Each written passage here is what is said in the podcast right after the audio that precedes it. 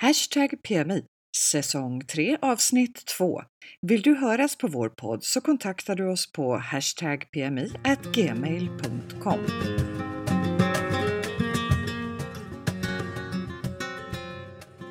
Hur funkar egentligen med myndighetskontakter på Mallorca? Till exempel när du ska köpa bostad eller börja jobba. Och varför är Mallorca så mycket bättre än Gran Canaria?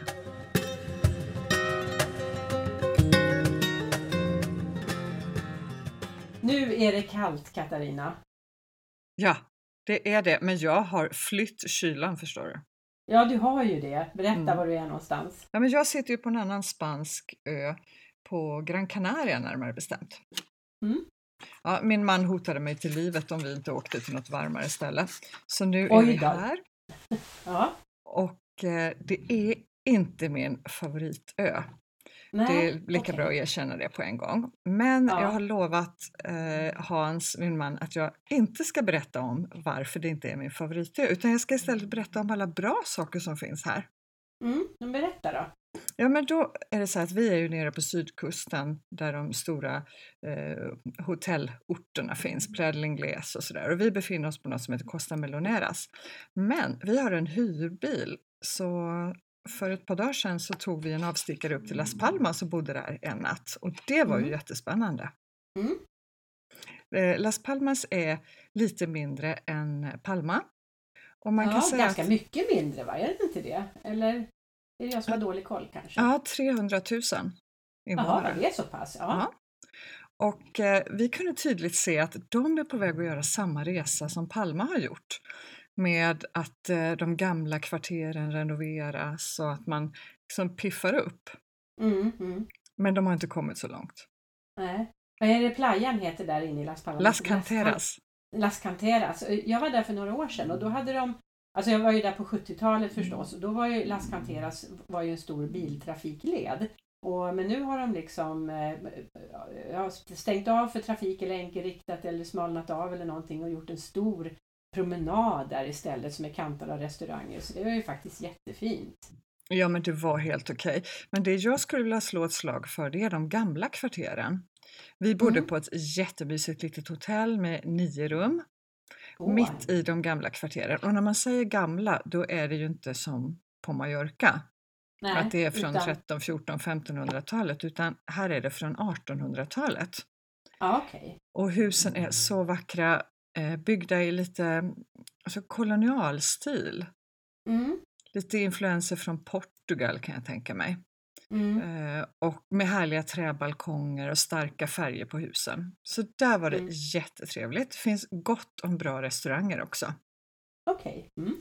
Så det kan jag rekommendera en utflykt till. Och på vägen Mm. hem från Las Palmas ner till sydkusten så stannade vi vid en av Spaniens äldsta golfbanor som eh, skapades 1891. Jaha, oj då. Ja, Och det var lite låter- mysigt, för den, Ja. ligger mitt, den ligger mitt i en vulkan. Ja. Men är du golfare? Ja, jag är golfare. Eller, Jaha. ja, alltså det är ju en definitionsfråga. Jag vet Ja, hur man klart. gör. ja, jag förstår.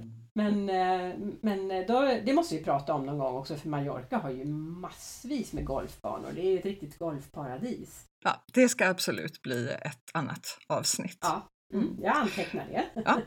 Men du hade varit ute och traskat lite va? Ja, jag har varit uppe och, och vandrat i eh, Tramontana-bergen. Eh, och eh, det, alltså det är jättemysigt. Jag har gjort det flera gånger och det är verkligen någonting som jag kommer fortsätta med. Då ansluter man till en sån här vandringsgrupp och jag eh, träffade Steve på en bar i Santa Catalina. Mhm. Och eh, han sa, ska inte du hänga med och vandra på söndag? Och min man tittade lite förvånat när jag sa att jag skulle ut och vandra med en kille som jag hade träffat på en bar. Men eh, det... Din man är en tålig man. Ja, precis. Nej, men alltså, och då är han, just, just Steve som han heter, han tar med sig folk och så gör han en vandringstur och så, så det är stora grupper eller små grupper. En gång var vi fem personer. Den här gången var vi nog nästan 20 personer. Eh, och det är blandade åldrar och eh, en del har husdjur med sig och, och, och sådana där saker. Alltså hundar menar jag då, Mm. när jag säger husdjur. Eh, och eh, ja, nej men det är jättetrevligt och det är ju så vackert. Och den här turen som vi gjorde nu senast då, den gick ifrån Kaladeja Ja. eh, och till nästan ända bort till Sojer. Och sen, men en rundtur så vi gick lite uppe på bergen dit och sen så gick vi runt och så gick vi ut efter kusten tillbaka till Kaladeja så att vi kom tillbaka till våra bilar där. Och ja, det är bedövande vackert. Det är fantastiskt. Mm. Men du, idag så tänkte vi inte prata om vandring i huvudsak. Utan vi Nej. tänkte försöka guida lite bland eh, den, eh, ah, vad heter det, inte administrativa djungeln, eh, Ja, just det.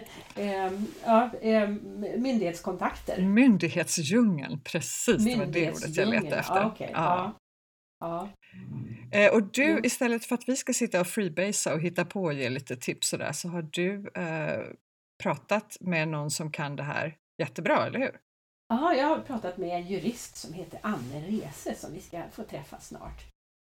När du eh, skaffade själv ditt nio-nummer och registrerade din residentia och sådär, hur tyckte du att det gick smidigt? Eh. Nej. Nej, Nej, jag, min personliga uppfattning är att ingenting är smidigt när man har med myndigheter att göra i Spanien. Men det är delvis mitt eget fel. Ehm, dels så är jag ju svensk och väldigt svensk i själen så jag tycker, jag tycker att det är, det är, jag sätter en ära i liksom att klara mina myndighetskontakter själv och på egen hand utan att någon hjälper mig. Ehm, men, eh, och sen är det också att jag inte förstår systemet. Och, och då är det ju väldigt, då är det ju väldigt snårigt. Har man väl greppat och fattar systemet då, då, då, är det ju, då är det antagligen inte upplevelsen lika dålig som min då. nej, nej, men det är helt rätt. Och jag Jag har Mm. pratat med så många om det här med speciellt med att skaffa ett nio-nummer och många Mm. får ju hålla på i veckor innan det sker. Och där har jag en helt annan upplevelse för både jag och min man fick nämligen vårt nio-nummer på en dag. Ja, ja, ni träffade rätt från början. Ja, vi åkte till Ja. polisen, fyllde i ansökan, åkte och betalade på banken, åkte tillbaka och fick vårt nummer. Ja, ja. Och jag ska säga att vår Okej. fastighetsmäklare som hjälpte oss med det här husköpet, hon var, hon var i chocktillstånd över att det kunde gå så enkelt. Så det, var, det är ingenting man ska förlita sig på. Det var en engångsföreteelse. ja. Nej, men det gick väl antagligen till rätt myndighet och hade rätt papper med er, det vill säga ett ifyllt, i- ifyllt eh, frågeformulär och så ett pass eller någonting. Och så, ja, och så träffade ni rätt på en gång. Mm. Och så hade vi alla kopior med oss, för även om det står två kopieringsmaskiner bakom disken där så får man ju absolut inte använda dem. Mm. Men Ja. du, ska vi ta och lyssna på vad Anna har att säga? Ja, det gör vi. Vi ber om ursäkt för den dåliga ljudkvaliteten under intervjun men hoppas att du ändå kan ta till dig en del nyttig information. Ja, när vi på Bjurfors skulle lära oss eh, en massa om skatter och testamenten för att bli bättre mäklare, då anlitade vi en jurist eh, för att hjälpa oss med eh, lite kunskap och vi hade en kurs som vi var jättenöjda med. Och då träffade vi Anne Rese. Eh, och idag är du här hos mig och spelar in podd, Anne. Ja, tusen tack för inbjudan först och främst. Ja, men det är vi som ska tacka för att du ville komma hit. Ja. För vi, vi vill ju lära oss lite grann om, det är ju många svenskar på Mallorca Eh, och eh, förr eller senare så hamnar man i en situation när man måste, eh, när man måste komma i kontakt med myndigheter och få någon slags status här. Och då finns det olika grejer.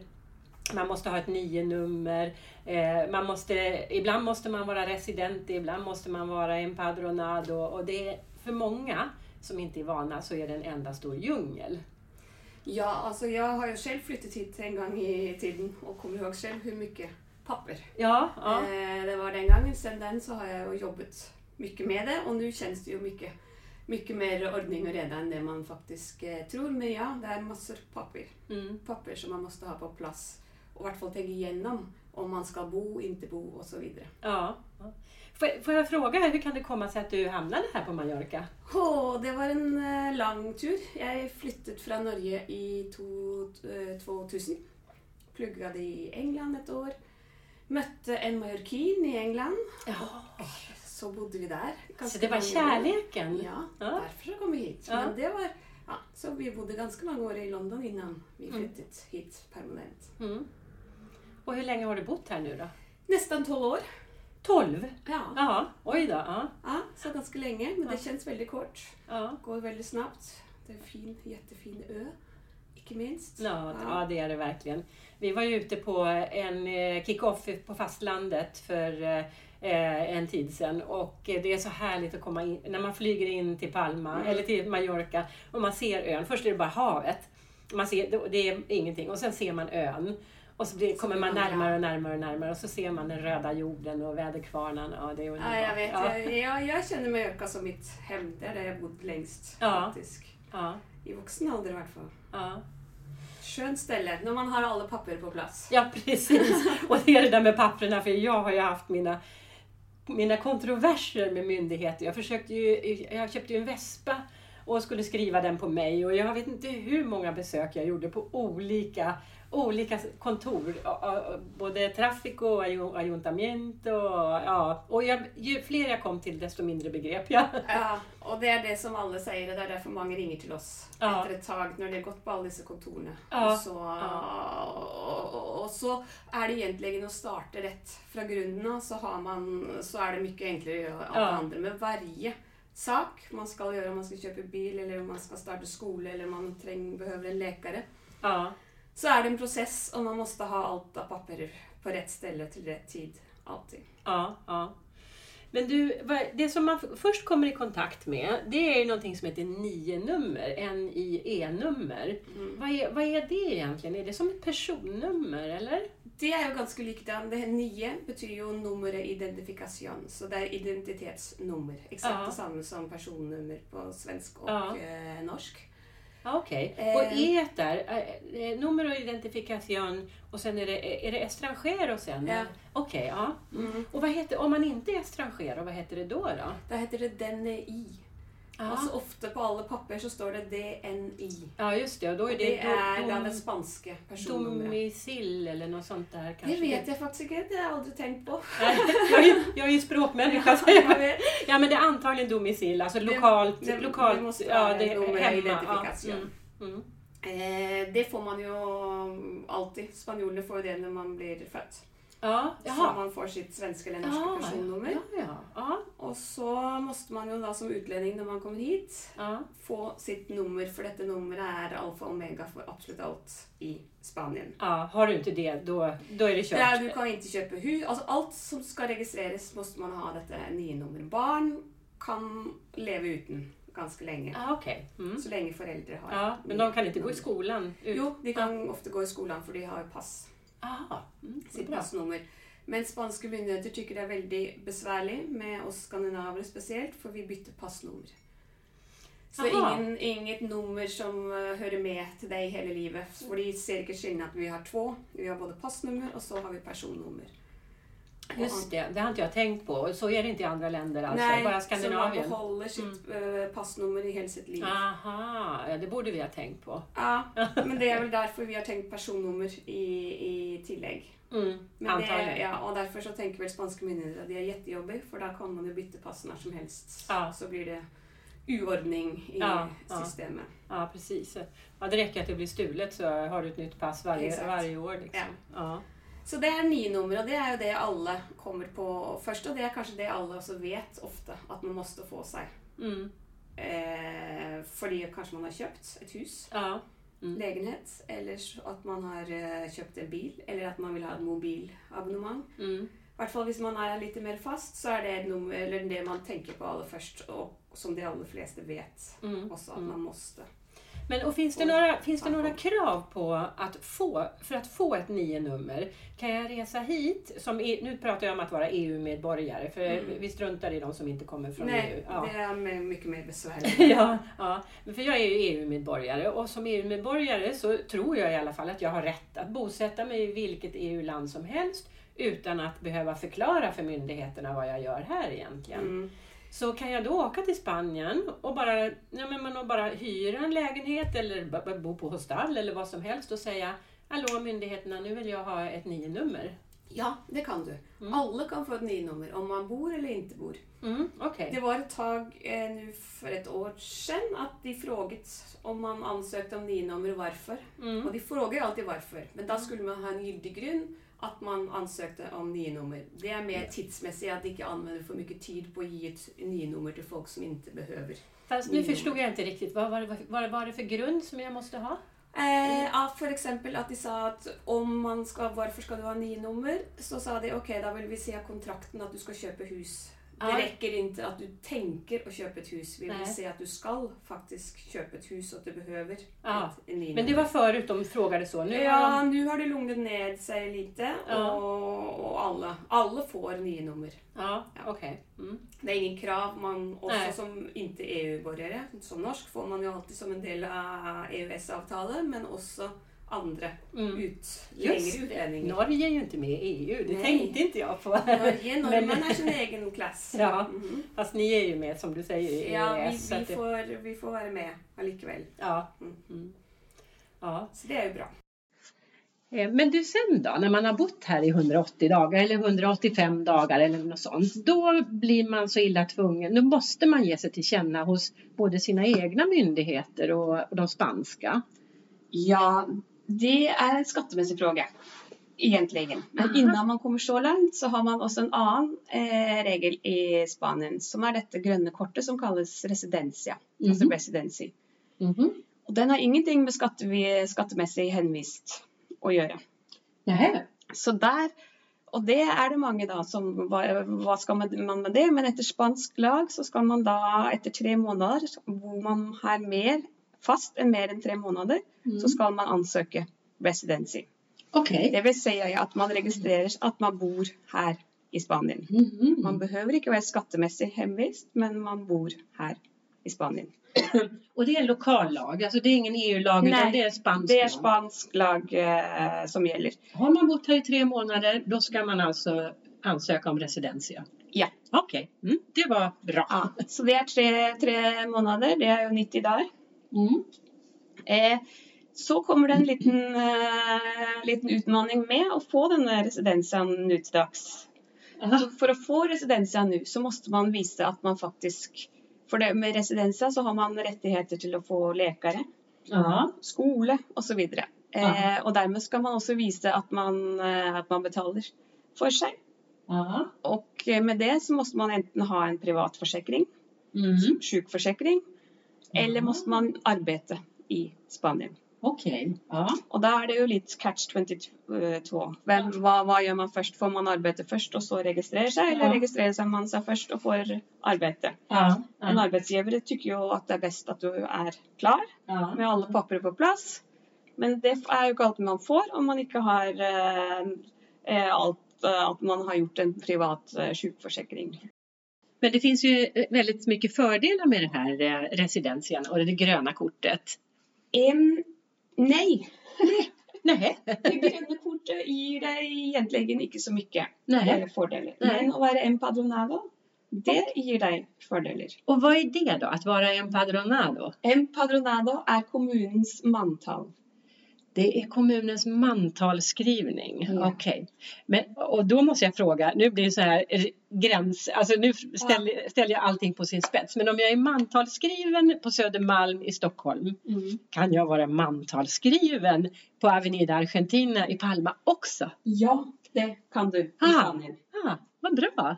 Ja. Och varför du kan det är det väldigt många som diskuterar. Men eh, poängen är efter spansk eh, tankegång så att de vill veta vem som bor i Palma stad. För det till förstås. eh, sopavhämtning, Mm. för till busservice, Mm. alltså eh, allt av kommunens tjänster. Ja, Om du bor här ganska många dagar i året så är det till kommunens fördel att veta ja just det. eh, Ja. om det. När du registrerar dig i kommunen, en se, som det heter, eh, så egentligen om du flyttar hit Mm. så kan du också ha rösträtt i Mm. kommun, kommunval. Mm. Jag har fått en sån här eh, Ja. eh, med papper för EU-valet nu. Ja. Exakt. Eh, den är ju lite, för då får man ju rösta i två, två länder. Yes! Yes. så, så den eh, Litt besværlig juridisk eh, ståsted hvorfor man skal kunne røste i to. Men det er klart, om man bor og holder til i to forskjellige kommuner, forskjellige länder, Ja. så har man et syn på hva, hvor man skal eh, leve og hvor man skal styre byen eller kommunen. Så man har røstningsrett. Mm. Eh, man har rett på rabatt på resor til fastlandet. Mm. Alle som eh, er skrevne i manntallet i, på de baleare, baleariske øer, Mm. er eh, rett til reiserabatt til fastlandet. Mm. In, inte til eh, EU-länder, men til fastlandet. Ja. Så man flyger til Barcelona, så får man rabatt. Flyger Ja. man til Ibiza, så får man rabatt. Ja. Eller båt. Ja. vi flög ju till Valencia eh, för, några, ja, för ett tag sedan och det var jättebilligt. Det kostar, alltså det kostar bara... Du får 75 procent. Ja, ja, jag tror det kostar 10 euro ena resan och 10 euro andra Exakt. resan. Det blir jättebilligt. Ja. Så det er jo en stor fordel. Mm. Eh, I tillegg så får man busskort. Inn, om man er registrert i Palma, så får man eh, busskort så man kan reise billig på bussen. Mm. Mm. Og man har eh, rettighet til eh, disse statssyklene. Ah, mm. Alt det er eh, linket til eh, kommunens mann. En, Ta. pan- en padronado. Så Mm. skulle man jo tenke at mange kunne godt tenke seg å låne disse syklene likevel og betale for seg, Ja, men eh, det er besværlig. ja, Man måste ja. være i et manntall for å komme Ja. inn. Men jag förstår varför. För att de vill inte ta businessen ifrån cykeluthyrarna. Det er sant. Så det, det är säkert, eh, finns en tanke bakom det där. Ja. Ja, med. Det, den hadde ikke jeg tenkt på. Mm, mm, nej, nej jag, jag, jag listade ut det när jag Ja. hörde. Ja. Mm. Eh, men for å registrere seg i kommunen, Mm. så måste man ha en fast bosted i, i kommunen. Ja, just det. Mm. Eh, og da har man jo da krav til å ha enten at man eier en bostad, Mm. eller at man har en hyreskontrakt på en bostad. ja. Det verkar rimligt. Ja. Om man ska liksom bli mantalsskriven. Exakt, Ja, er det ikke en hyreskontrakt på en måned, man skal jo ha en langtidshyreskontrakt på seks måneder. Jaha, så minst sex månader då? Ja. Mm. Bra. Og så skal man jo ha dette her med til kommunen, og pluss en masse andre papirer Mm. for at man skal få registrere seg. Mm. Mm. Eh, du da, og det viser jo at du er fast bundet. De ber også, Om man har hyreskontrakt, så ber de ofte også se at du betaler strøm, Jaha. el, for at da viser du at du bor Ja, du har en ja. fast eh, Ja, Det kommer, mer det kommer fast. jag ihåg när jag skulle eh, när jag skulle köpa min, eller registrera Vespan på mig. Mm. Då frågade de efter min elräkning och det var helt befängt för mig som Mm. är svensk liksom. Bara kommer jag, nej, men jag vill, jag, på trafikkontoret, jag vill registrera ett fordon och de frågar efter min elräkning. Det, finns inget. for å vise fast. Du kunne også hatt Ja. din lagfart på, på eiendom som du eier. Ja, ja du precis. også fast, Ja, fast Mm, adress. mm. Men eh, de vill att man ska ha den i original och den, hade jag, ju- den Exakt. var i Sverige. Ja. Så det, for det er, igjen, det er kun for å vise at du har et fast bostad. Mm. Mm. Det hjelper jo trafikkmyndighetene. Ja, just det. Ja. Og man måste jo være en padronado, så vidt jeg vet, for å få registreret eh, et kjøretøy, et, en bil Ja. eller Vespa. Ja, det var lite osäkert för som vi sa i början här Mm. så är det lite, man får lite olika svar från olika ställen och man blir, man blir lite osäker sådär. Men jag, om jag förstod det rätt så behövde jag inte bli en padronado för det räckte att jag gick till trafikkontoret med min... Lagfart Min eller lagfart, ja. Eller, Mm. ok, Mm, Som viser fast. Ja. For trafikkmyndighetene, det de er ute etter, er jo om du får en bot, at de kan hitte hvert, Ja, bor. ja, det förstås. Mm, Mm. just det, det förstås. For da vil man jo også ha en fast, ja, en fast boende. ja, just det. Mm. Så det er, der er du trafikkmyndigheten. De er jo igjen sitt eget register. Det er inget sentralt register som man plukker opp navn og søker på identifikasjonsnummer Nej. og får opp alt. Alt er sitt eget register. Du har kommunens manntall, du har den spanske stats innvandringsmyndighetenes residensia, Mm. og du har skattemyndighetene, Skatteverkets skattemessige. Mm. Både hemvist og skattemessig registrert pga. at du har hatt skattemessige transaksjoner i Spanien, som har kjøpt en fastighet Ja. eller har jobb, arbeidet her et tag, Ja, ja. osv. Mm. Men du, en sista fråga då, för att jag vet att det är många som, eh, ber om hjälp med de här sakerna. Det blir så pass, om man, om man inte kan spanska så är det svårt för många av de här tjänstemännen eh, talar inte engelska. En Nej. del gör ju det och Ja. ibland, ibland är de väldigt hjälpsamma. Men eh, Beroende på dagen. Och det kan vara jättehjälpsamma Ja. eller det kan vara väldigt besvärligt. Ja. Och det som är min, eh, min erfarenhet det är att de, de öppnar liksom mötet när man träffar dem så är de väldigt eh, strama och liksom inte alls kommunikativa och känns inte alls som jag skulle få någon hjälp. Men sen om man säger så här, men vad ska jag göra då? Då blir de väldigt hjälpsamma. Mm. Så att det, jag, jag tycker att det har varit jättejobbigt i först, de första minuterna av de här mötena. Men sen har det blivit bra och sen har de varit väldigt hjälpsamma. Ja. Och, men de hjälper dig så långt de kan för man måste, ofta måste man ju till ett annat kontor Ja, innan Ja. för att få ett stämpel eller Eh, eller springa till banken och eller- hämta ett kvitto eller Exakt. någonting sånt Så där. Ja. de, de kan ju bara säga att så och så måste du göra så måste du komma tillbaks. Mm.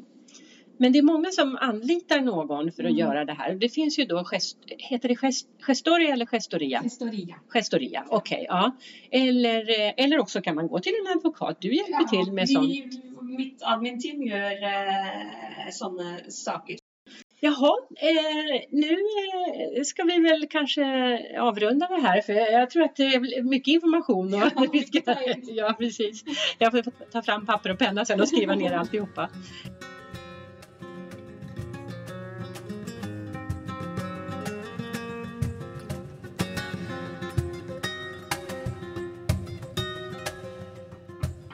Jaha, Helena, nu har vi fått eh, veta en hel del om hur det går till att bland annat skaffa ett nio-nummer i det här landet. Mm, ja, precis. Och en massa annat matnyttigt. Och vill man ha kontakt med Anne Rese då så lägger vi ut hennes kontaktuppgifter på eh, vår Facebook-sida så att man kan kontakta henne ifall man känner att man har eh, fr- eh, juridiska frågor eller om man behöver hjälp av hennes administration med någonting. Mm. Och Facebook-sidan heter hashtag PMI och man skriver det med bokstäver. Men du, har du någon eh, språkspaning som har med myndighetskontakter att göra? Ja, eh, ingenting. Alltså det är ju roligast egentligen med språkspaning om man kan plocka fram ett ord och vända och vrida på sådär. Men, eh, och det finns det ju säkert massor inom administrationen men inte något som jag har kunnat komma på.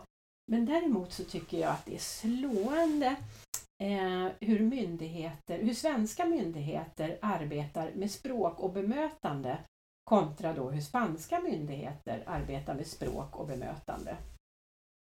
Eh, och den stora skillnaden egentligen mellan eh, svenskt myndighetsspråk och spanskt myndighetsspråk, det kanske inte, ja, det är mycket sp- eh, språket också, men framförallt är det attityden.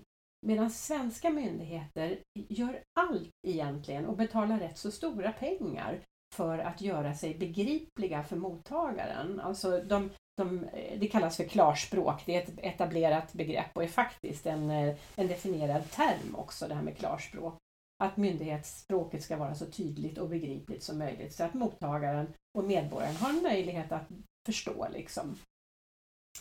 Eh, och så att eh, när det gäller svenska myndigheter, när de kommunicerar, så ligger ansvaret på myndigheten att göra sig begriplig.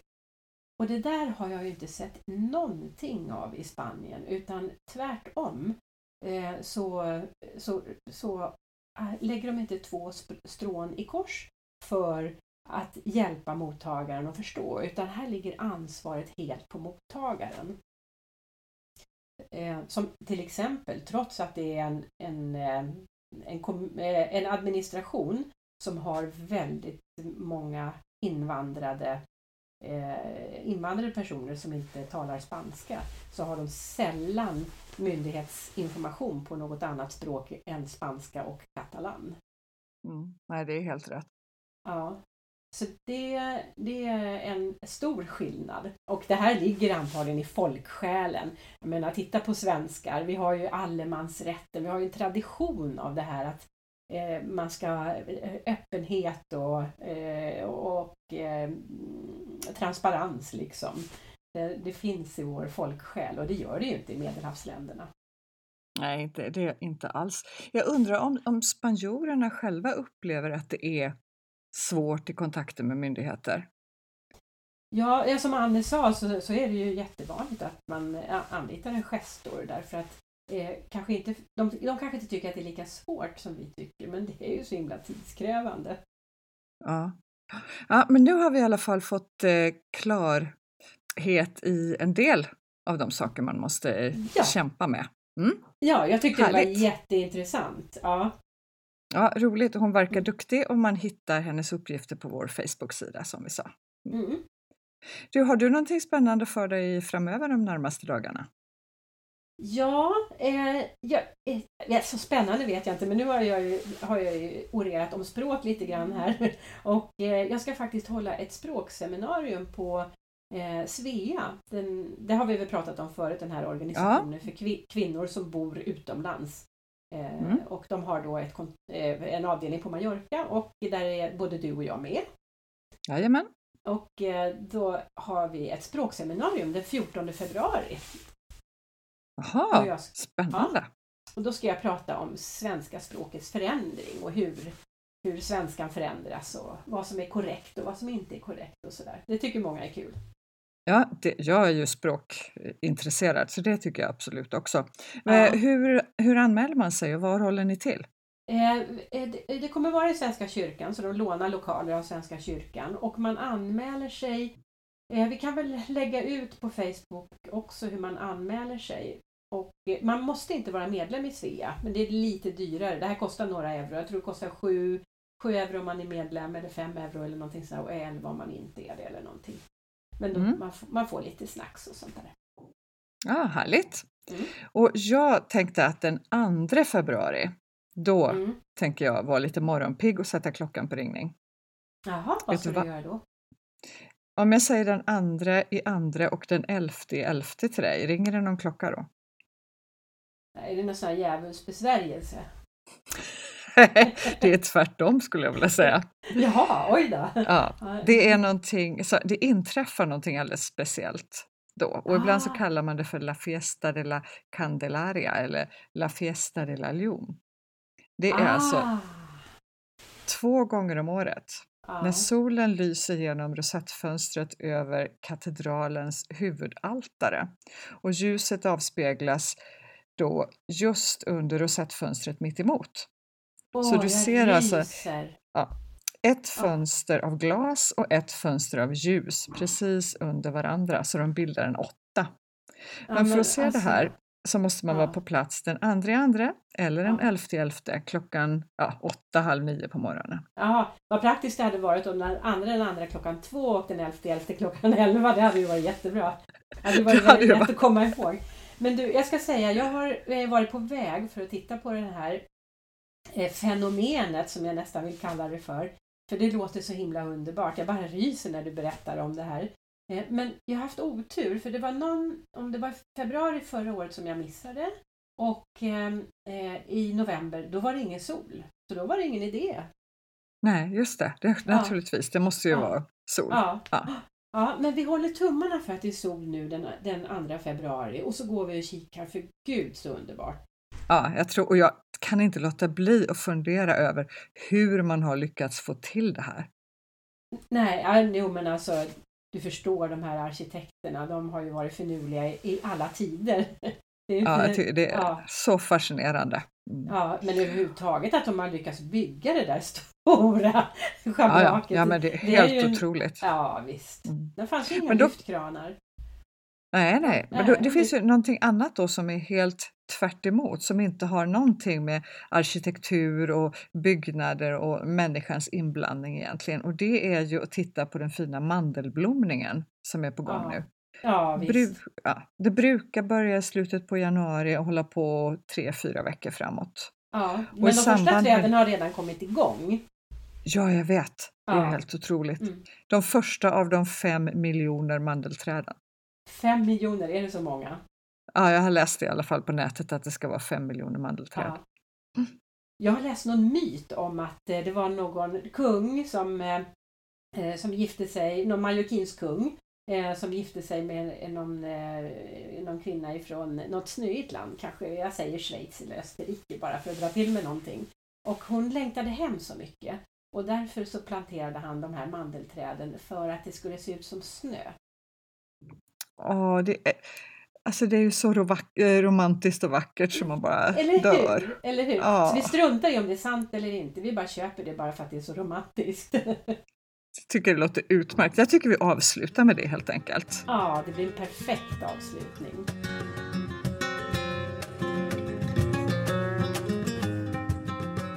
Du har lyssnat på podden Hashtag PMI. Kika in på vår Facebook-sida. Hashtag PMI som du skriver med bokstäver.